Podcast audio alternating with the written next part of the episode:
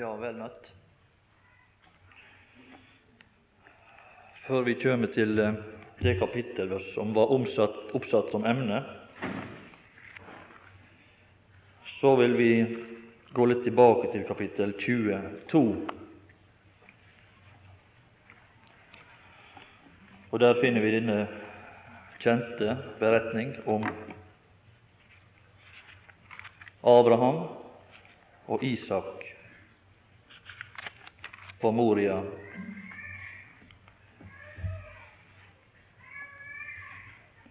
Og denne fortelling den inneholder da forbildet som er av den aller største rekkevidde. Og det er i dette kapittel da talt om velsignelser av uendelige dimensjoner. Jeg vil storlig velsigne deg og gjøre din ett såre tallrik, står det, som stjernene på himmelen.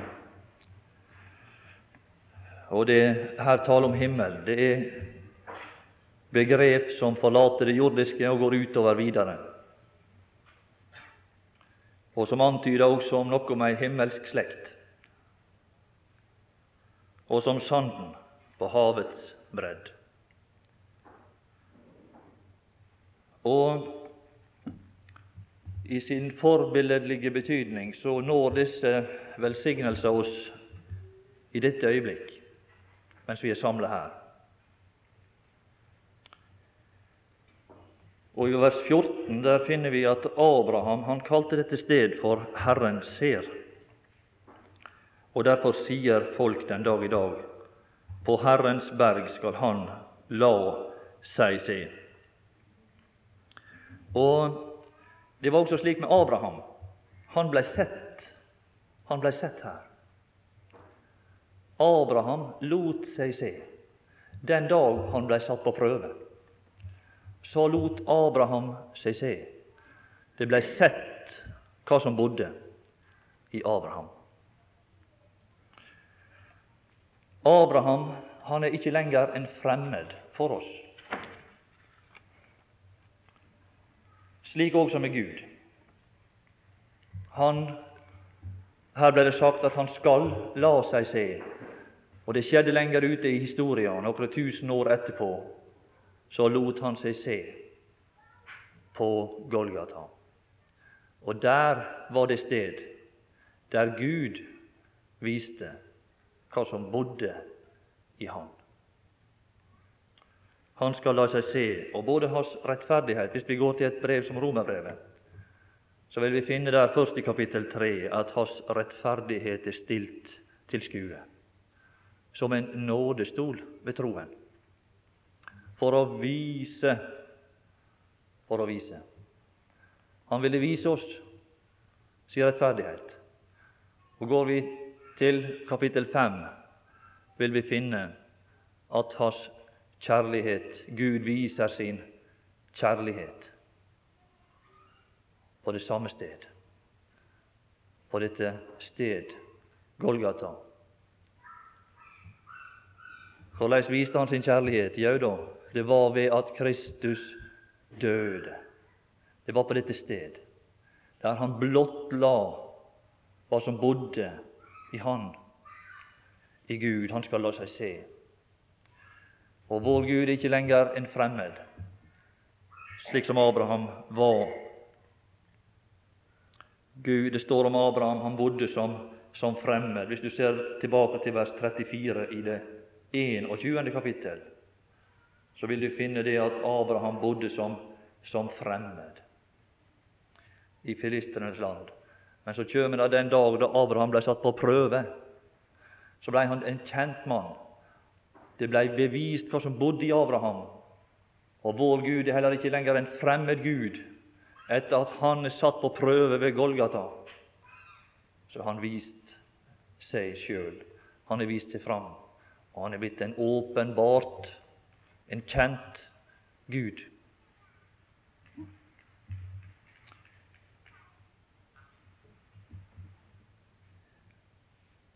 Men det er mer i dette kapittelet.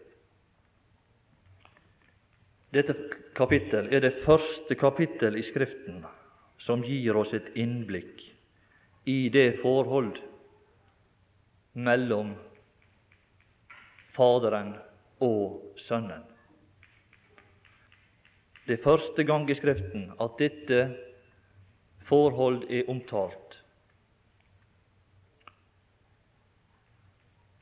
Hvis vi leser der i det fjerde og femte vers Vi leser det femte. Da sa Abraham til sine drenger bli dere her med asene. Dette, denne, denne stopp der, den tilkjennegir hvor langt de hadde samfunn med Abraham. Det var så langt. Så langt kunne de gå sammen med Abraham. Og så sier Abraham stopp her. Her er dere kommet til yttergrensene for deres erfaringsområde. Så langt kan dere kjenne meg. Bli her. Stopp her. Til sine drenger. Men det var en som sto i et annet forhold til Abraham. Kun én.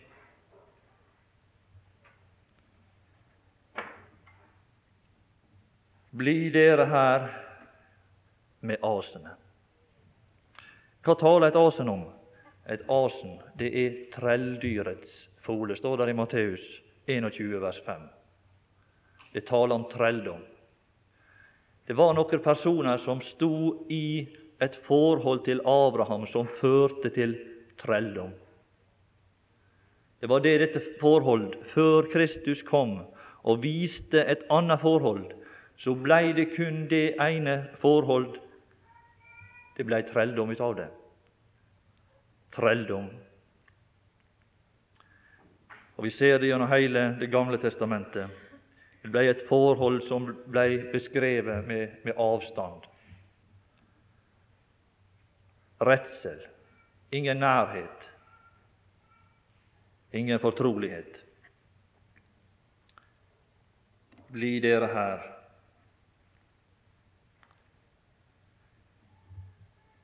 Og mens de var sammen med disse drenger, så hører vi at Abraham, når han omtaler sitt forhold til Isak, så sier han 'jeg og gutten'.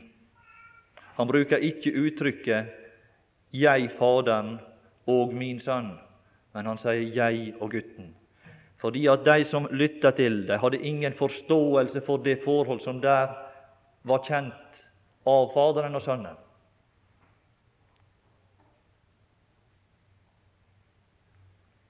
Men det er djupere erfaringer enn det som vi er løse om her.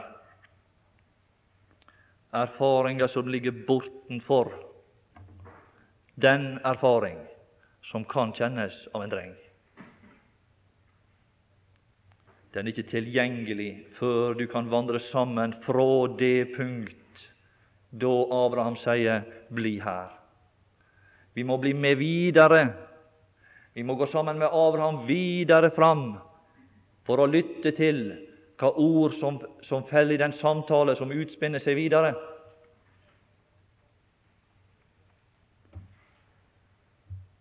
Hva står der videre i vers 7? Da talte. Da talte på et sted bortenfor den erfaring da talte Isak til Abraham sin far. Da talte. Og det er det forhold vi burde komme inn i til den himmelske Abraham, til den far som er kalt alle folks far, han som er den far som er den rette far for alt som kalles barn i himmelen og på jorden. Vi kunne lure på hvordan kunne Abraham få til det resultat som han fikk til med denne sin sønn. Og vi kunne nå kanskje lure på litt bare at vi nå liksom får komme oss et lite stykke videre, slik at drengene ikke hører hva som foregår, så skal jeg ta han under behandling. Så jeg har mine metoder, så jeg skal få skikk på guttungen, slik at han skal bli lydige. Ja, det er mange måter å gjøre det på. Det er mange måter å få, å få fram lydighet på. Og det er mange måter å få til et resultat på, men det er et helt annet forhold vi kommer inn i når vi begynner å betrakte den Herre Jesus som Sønnen og Faderen i den himmelske verden. Og disse ting er vidunderlige å se inn i. Hva er det med en trell? Hva er det med et asen? Hva er det Jo, det er det at trellen han venter på at det er ingen som taler. Han håper på at det ikke er flere gjør det, at det skal være stilt, at Herren ikke har mer å byde, at samtalen eller dialogen eller de bydende ord og de slag eller spark som ledsager dette, skal opphøre. Det er det trellen ønsker seg. Han ønsker ingen korrespondanse. Men Herren er ikke det slik at han alltid har noe mer, noe mer som må gjøres. Det er for lite av det, og det er for lite av det. Det blir aldri nok. Og Slik blir det også vi, i vår forståelse av Gud, hvis vi lever med Gud på denne måte, som en dreng, som en trell, så har vi en Gud som aldri får nok.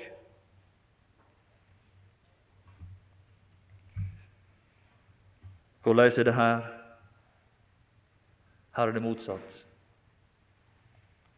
Her er det motsatt. Hvis vi leser i vers 7, så står det, så står det ikke det at det var Abraham som innledet samtalen.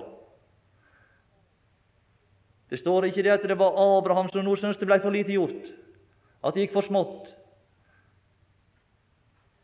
Nei, det var motsatte. Det var han som er kalt tjeneren over alle tjenere, Isak. Det var han som syntes det gikk for lenge før han som var over han, Faderen, for at han talte. Det var han som syntes det var for lenge før det ble noen korrespondanse, før det ble en lyd, før det ble et ord, før det ble et samfunn, et ord i dette samfunn. Og Derfor så er det så stikk imot, sa trellen som bare håper på at det skal være stilt, som håper på at det skal være nok.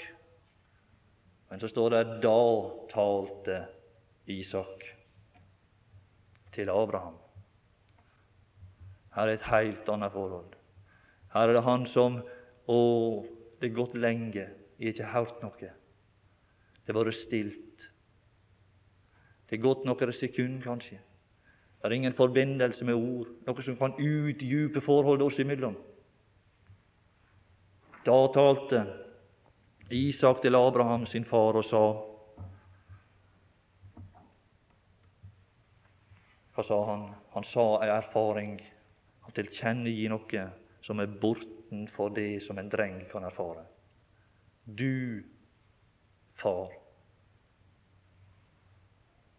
Så kommer det tilbake ja, Isak. Nei. Ja, og så er det enda et unødvendig ord.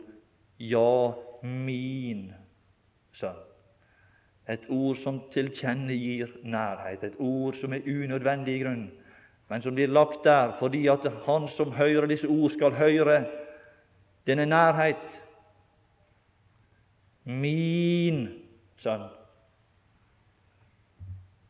Her er den hemmelighet som, brakte, som fører oss fram til den, den uforklarlige og uforståelige handling at en mann som Isak i sine beste år lar seg binde på et alter, kanskje ved 40-årsalderen, for å dø. Det er en helt uforklarlig og helt uforståelig ting men det er inne i et kjærlighetsforhold som er aldeles utrolig og helt uforståelig for oss, og som var så sterkt at det fikk stå som et bilde på den kjærlighet at jeg elsker Faderen, sier Jesus, og gjør så som min Fader har befalt meg, stå opp, la oss gå herfra.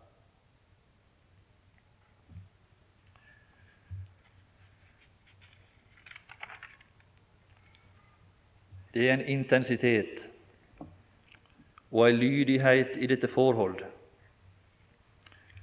som er kjent, og som har sin opprinnelse kun imellom personene i Gud.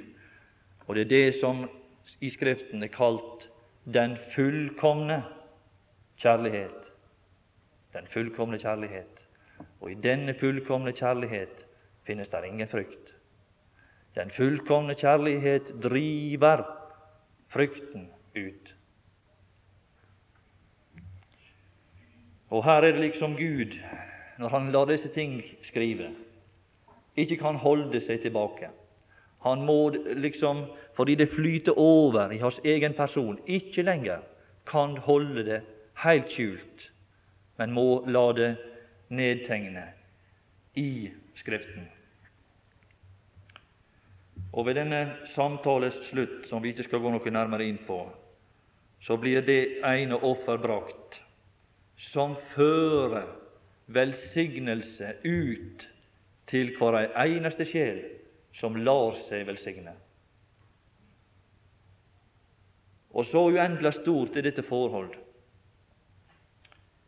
som vi må kalle på en måte et hemmelig forhold, og som Gud ønsker å avsløre, og som Han derfor nedtegner på denne måte, og som Han senere kommer til å utdype, i, spesielt da i Det nye testamentet og som Han blottlegger fullstendig for oss, om vi vil gå inn i det.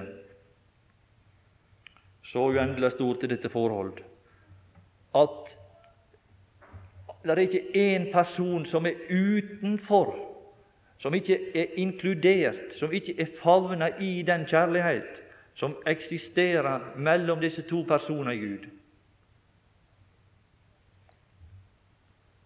Og Gud han har problemer med å holde denne, disse sannheter tilbake. Han ønsker tydeligvis å føre det fram til vår erkjennelse.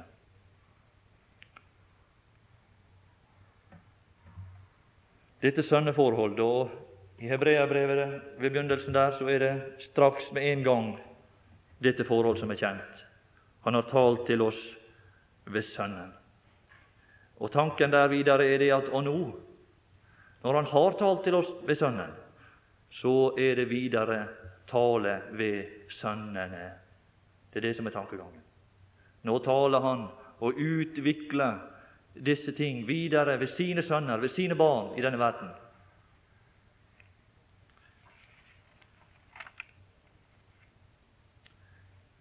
Like etter denne forbilledlige død som vi her taler om i Isaks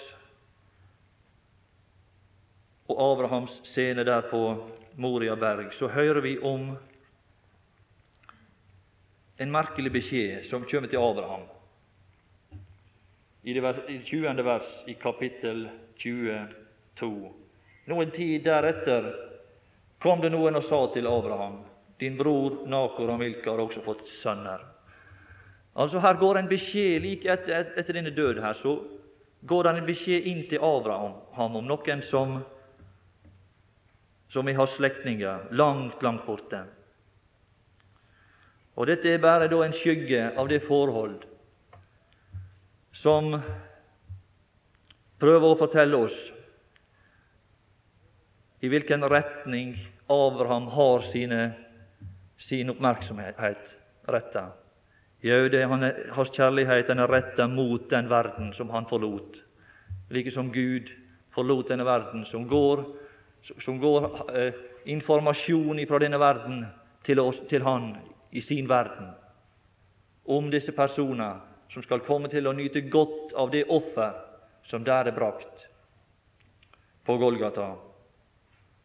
Gud han har alltid hatt noen i denne verden som han ved fallet måtte trekke seg tilbake ifra fordi han ellers ville ødelegge denne verden. Så måtte han trekke seg tilbake til det himmelske men hans tanker er stadig vært denne verden, og hans planer har alltid omfattet denne verden. Men før disse storlige velsignelser som vi her hører om, kan erfares, så leser vi i kapittel 23, det skal vi bare så vidt nevne, så må det gamle føres til side og legges bort. Det gamle mennesket. Ingen kan nyte det nye uten å bli kvitt det gamle. Det gamle mennesket må, må forsvinne, og dette er da den andre side ved Golgata. Golgata er så vel slekta som den enkeltes endelikt, og også mitt gamle menneske, som er for oss alle ei erfaringssak, og som kan bli et mørkt kapittel, og som kan bli et så mørkt kapittel at vi aldri på en måte kommer forbi det.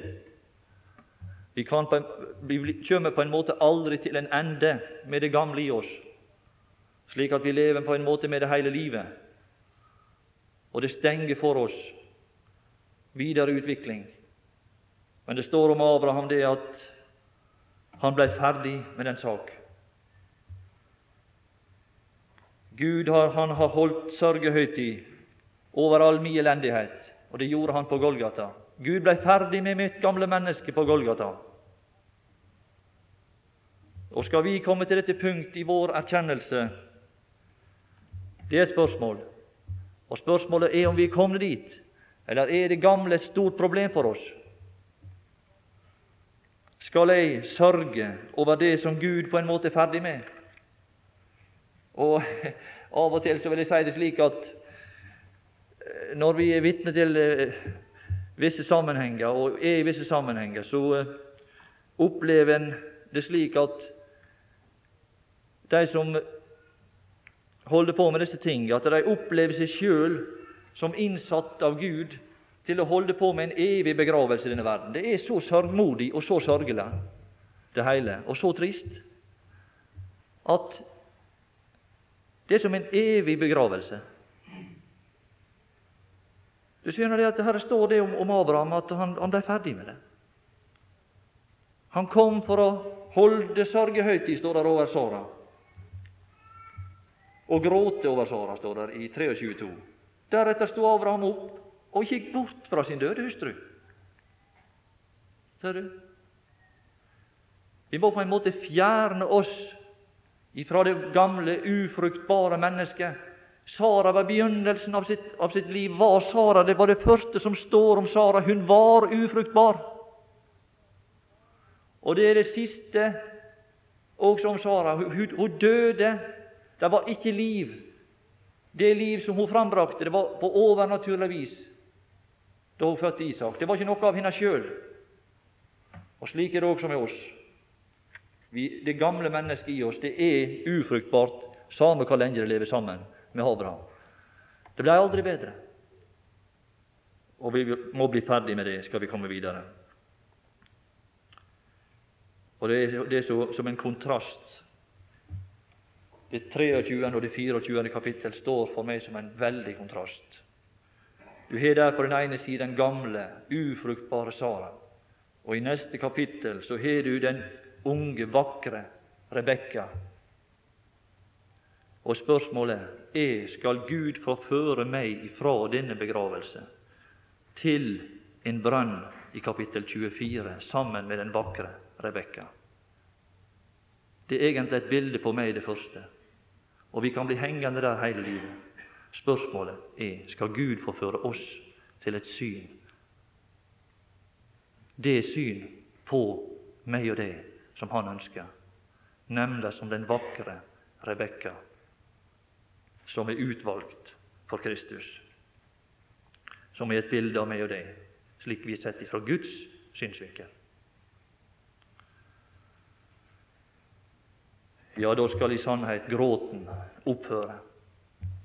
Da skal begravelsesstemninga fly som dugg for solen, og vi skal bli et strålende godt humør. Kapittel 24.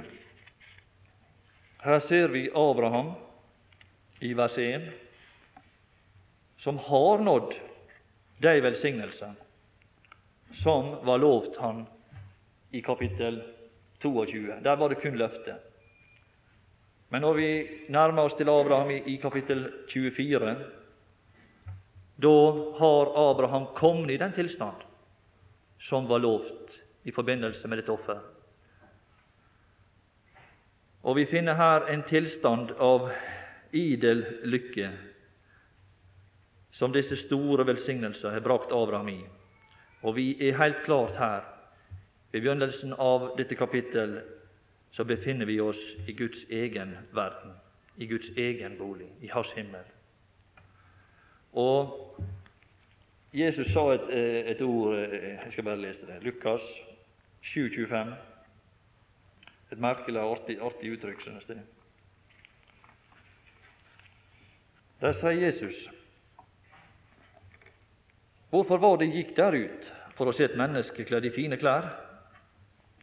Se, de som går prektig kledd og lever i vellevned, er i kongenes saler. Ja, jeg syns liksom dette der er så Jeg er helt sikker på at Jesus, når han uttalte disse ord, så tenkte han tilbake. Så gikk hans tanke tilbake til den tid han var i, i kongens saler i den evige verden. Du kan være aldeles trygg på det. Og Så så han ned, nedover seg sjøl, og så tenkte han ja, ja, det er forskjell. Sannelig er det forskjell. Ja, det skal jeg si er forskjell. De som lever i velevned. Skjønner, når, når du nærmer deg til brønnen her, til denne der Abraham sitter mett av dagen, så er det velevned som er inntrykket. Og det er kongenes saler. Du ser disse saler, disse søyler som reiser seg. Og du, du, du, hører lyden av denne bekk som flyter der gjennom dette landskapet. Hos deg er livsens kilde. Da er det det at vi ser disse vidunderlige personer der, og der vi aner den fred som er som floden. Da er det det at vi er i kongenes saler. Og det er det vi er her. Vi er Guds råd fra evighet av. Vi er hos Gud på den dag da Hans hensikt og, og angående meg og deg er åpenbart. Vi er hos Gud i Guds råd. Og vi er blant de heldige som får gå inn her og lytte til hva som er talt på dette sted. Du og jeg, min venn, vi er av de privilegerte som kan nærme oss til dette sted. Dette er altså et bilde på, på Gud i en tilstand etter Golgata. Og da heter det om Gud i det andre Korintiabrev 11.31 Han som er velsignet i all evighet. Amen. Altså, all velsignelse har nådd Gud. Den er kommet fram til Gud. Den til, fløtet til Gud på grunn av Kristi offer. Og det er en person der som sitter der i den himmelske verden. Han ser seg rundt. Det er ingen som kan føre fram til han én ting som han ønsker seg. Alt er kommet til han. Men det er bare det at det oppstiger i hans hjerte. Er det noen jeg kan dele den overflod med? Er det ingenting jeg kan ønske meg? Alt er her. Men er det noen som jeg kan øke denne nytelse ved at de kommer til meg? Og er det noen jeg kan berike ved at jeg får gi? Det er deres spørsmål. Han så seg i alle retninger. Det var ingenting han så og kunne ønske seg. Det er en tilstand av idel salighet og lykke.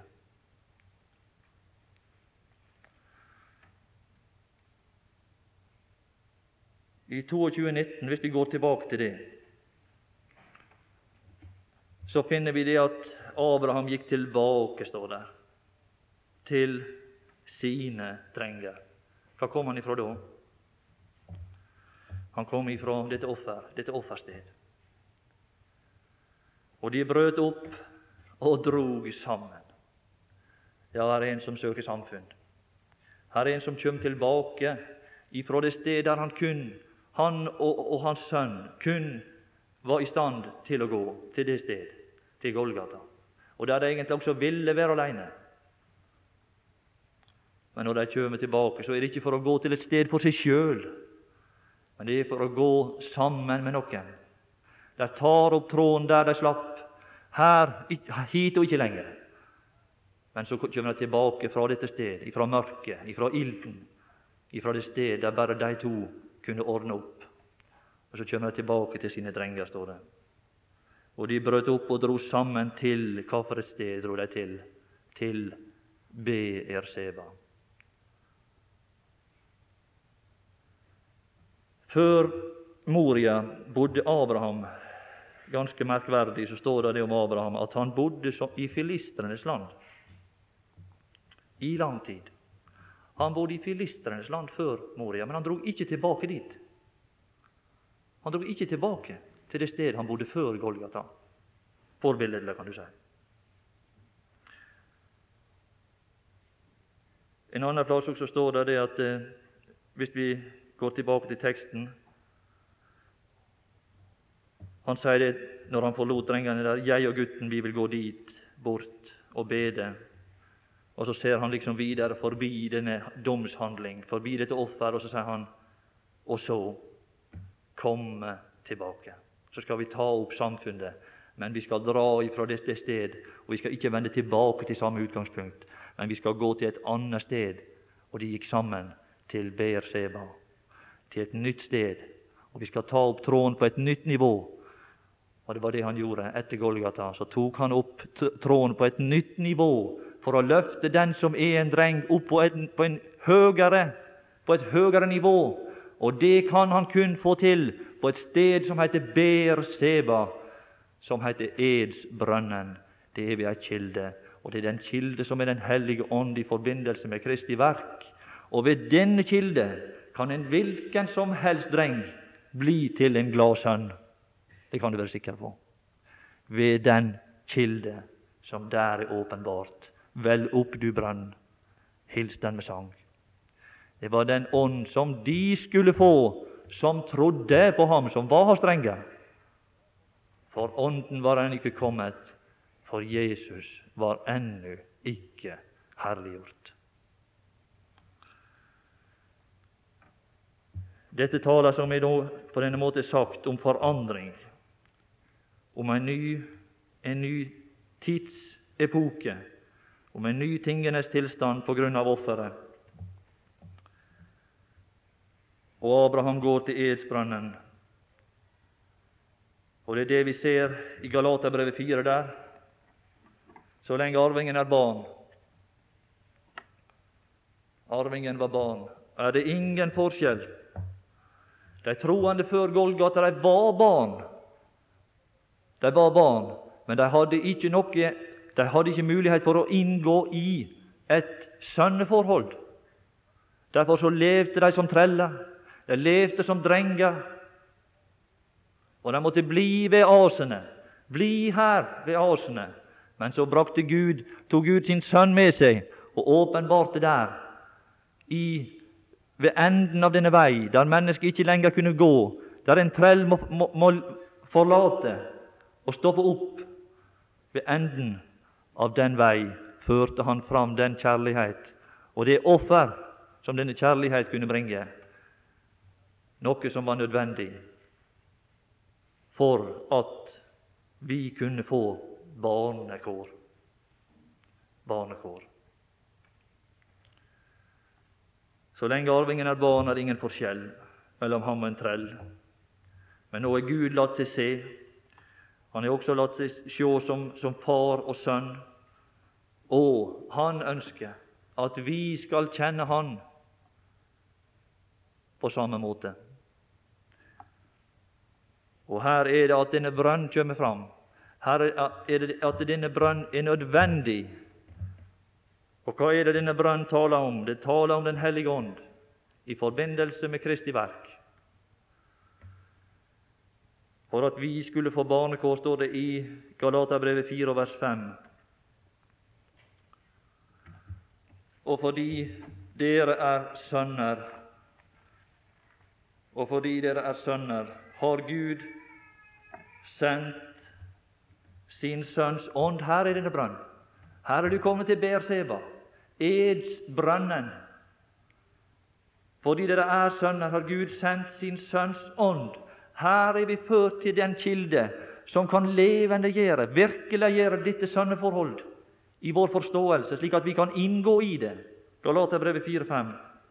Og fordi dere er sønner, har Gud sendt sin Sønns ånd i våre hjerter, som roper Abba, Fader. Da først, ved at Den hellige ånd, eller at vi kom til denne brønn, eller at Den hellige ånd blei til ei kilde i forbindelse med Kristi verk, så kunne vi inngå i dette forhold. Så er du da ikke lenger trell, men sønn. Men er du sønn, da er du òg arving ved Gud. Men den gang da dere ikke kjente Gud Her ser du. Her var ting ved Gud vi ikke kjente.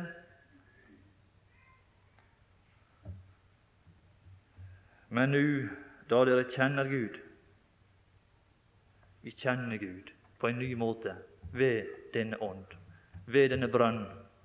Og vi skal komme litt nærmere tilbake til disse forbildene, også til forklaring på det seinere.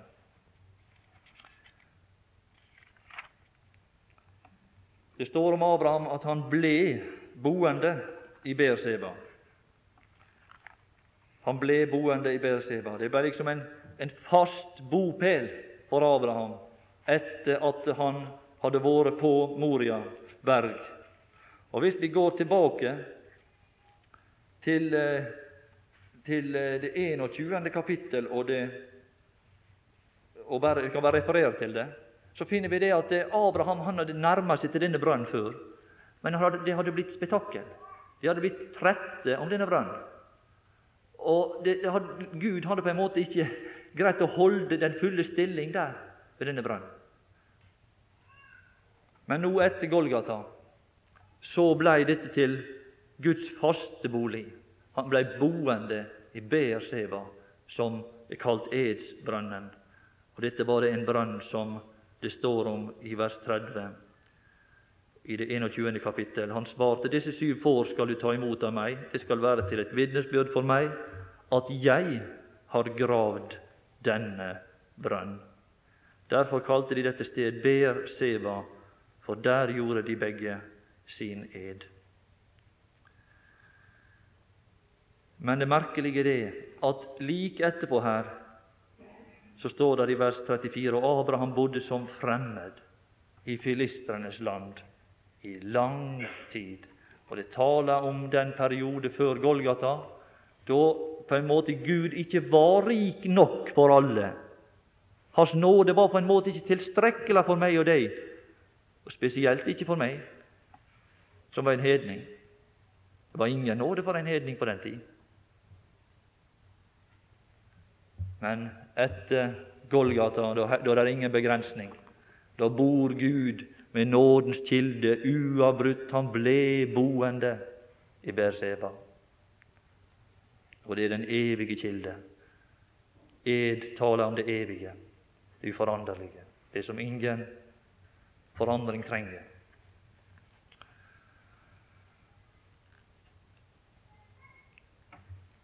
Det er Golgatas velsignelser som fører fram dette, denne kilde, denne brønn, Berseba.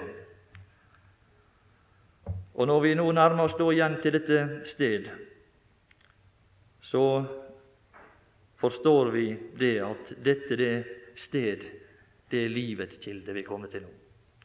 Vi kommer til livets kilde. Og det er i grunnen en ganske unik ting, dette å vandre langs Guds bekks elvebredd.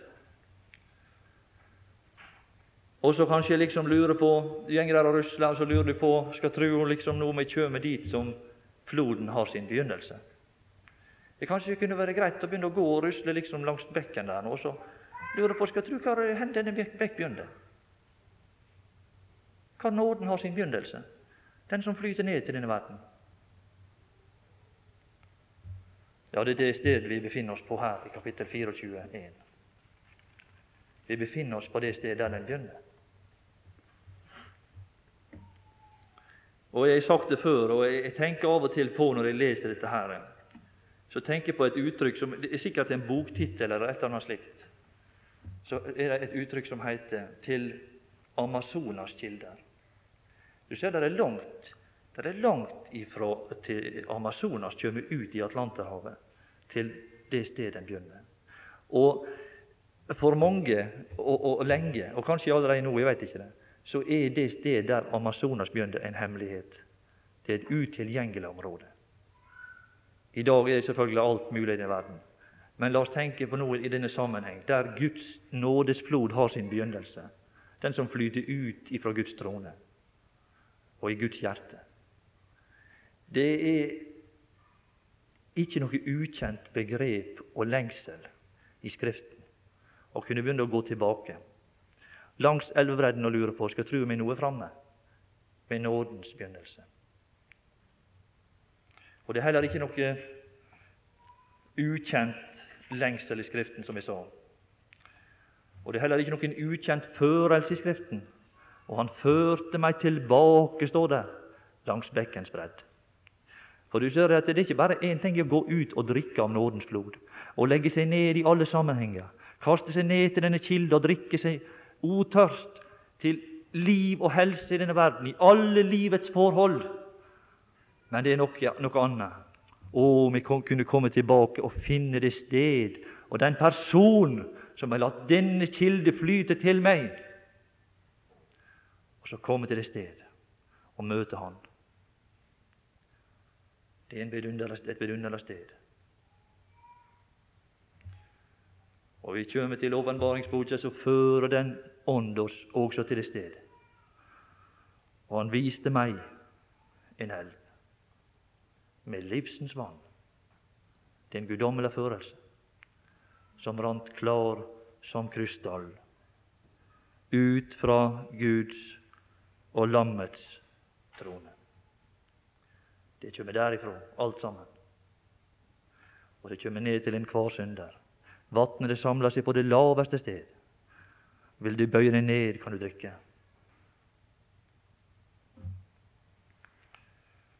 Helt til slutt da får jeg bare lese litt fra Salme 36.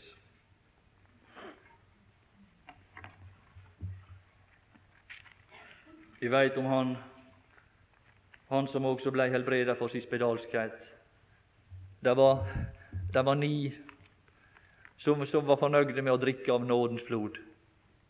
Men det var én som det står om. Han vendte tilbake da han så at han var helbredet. Det er noe å gå tilbake langs bekkens bredd.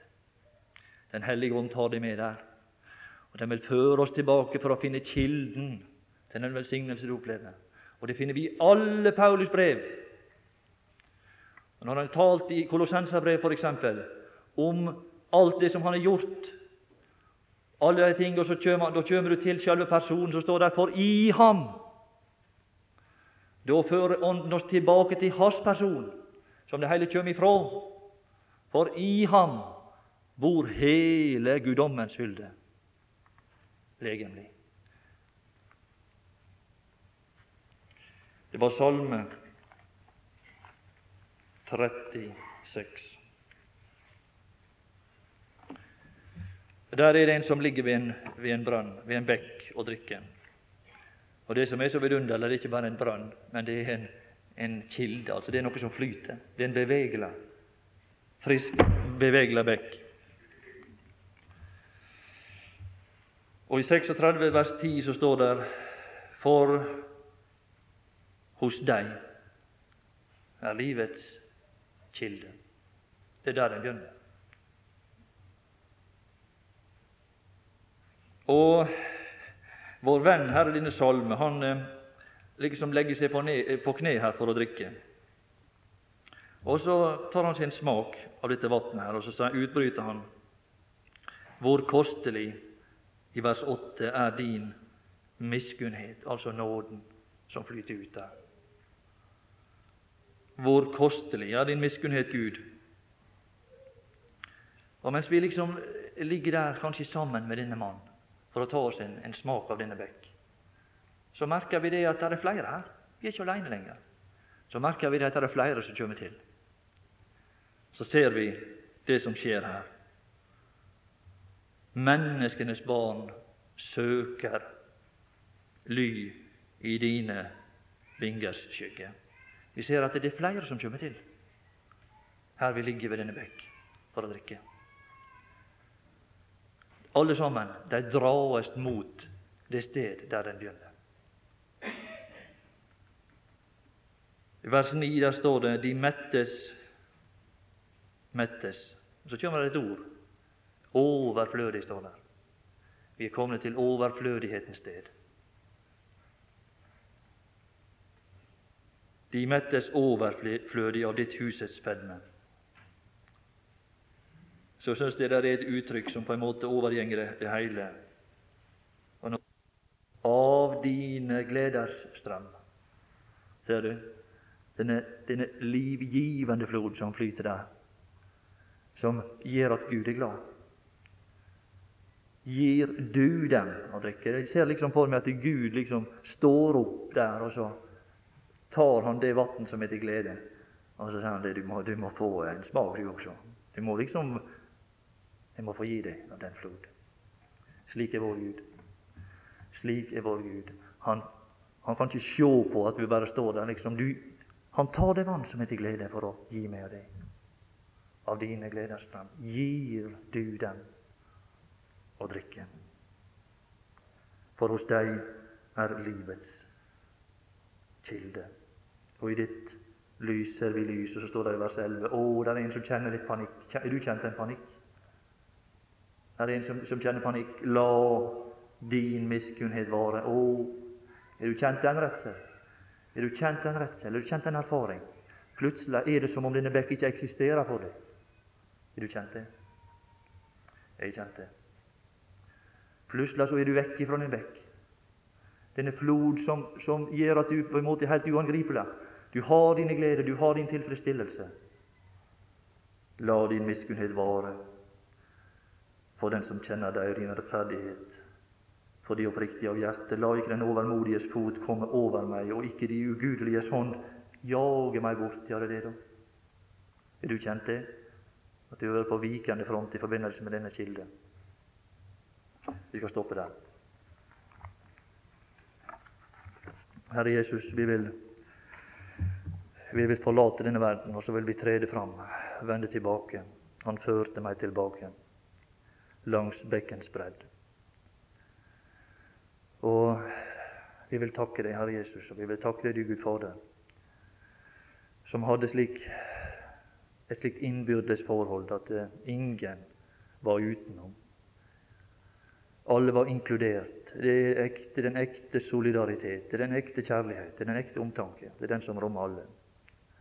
Så rommer det også meg. Så kan jeg få takke deg da, fordi at jeg kjenner alle de helt hit ned. Til meg kan denne bekk flyte. Og vi ber for hverandre at vi alle sammen må få denne trang, denne lengsel etter å drikke, og så vende oss tilbake og begynne å gå tilbake til Han som sendte denne kilden. Vi ber i Jesu navn. Amen.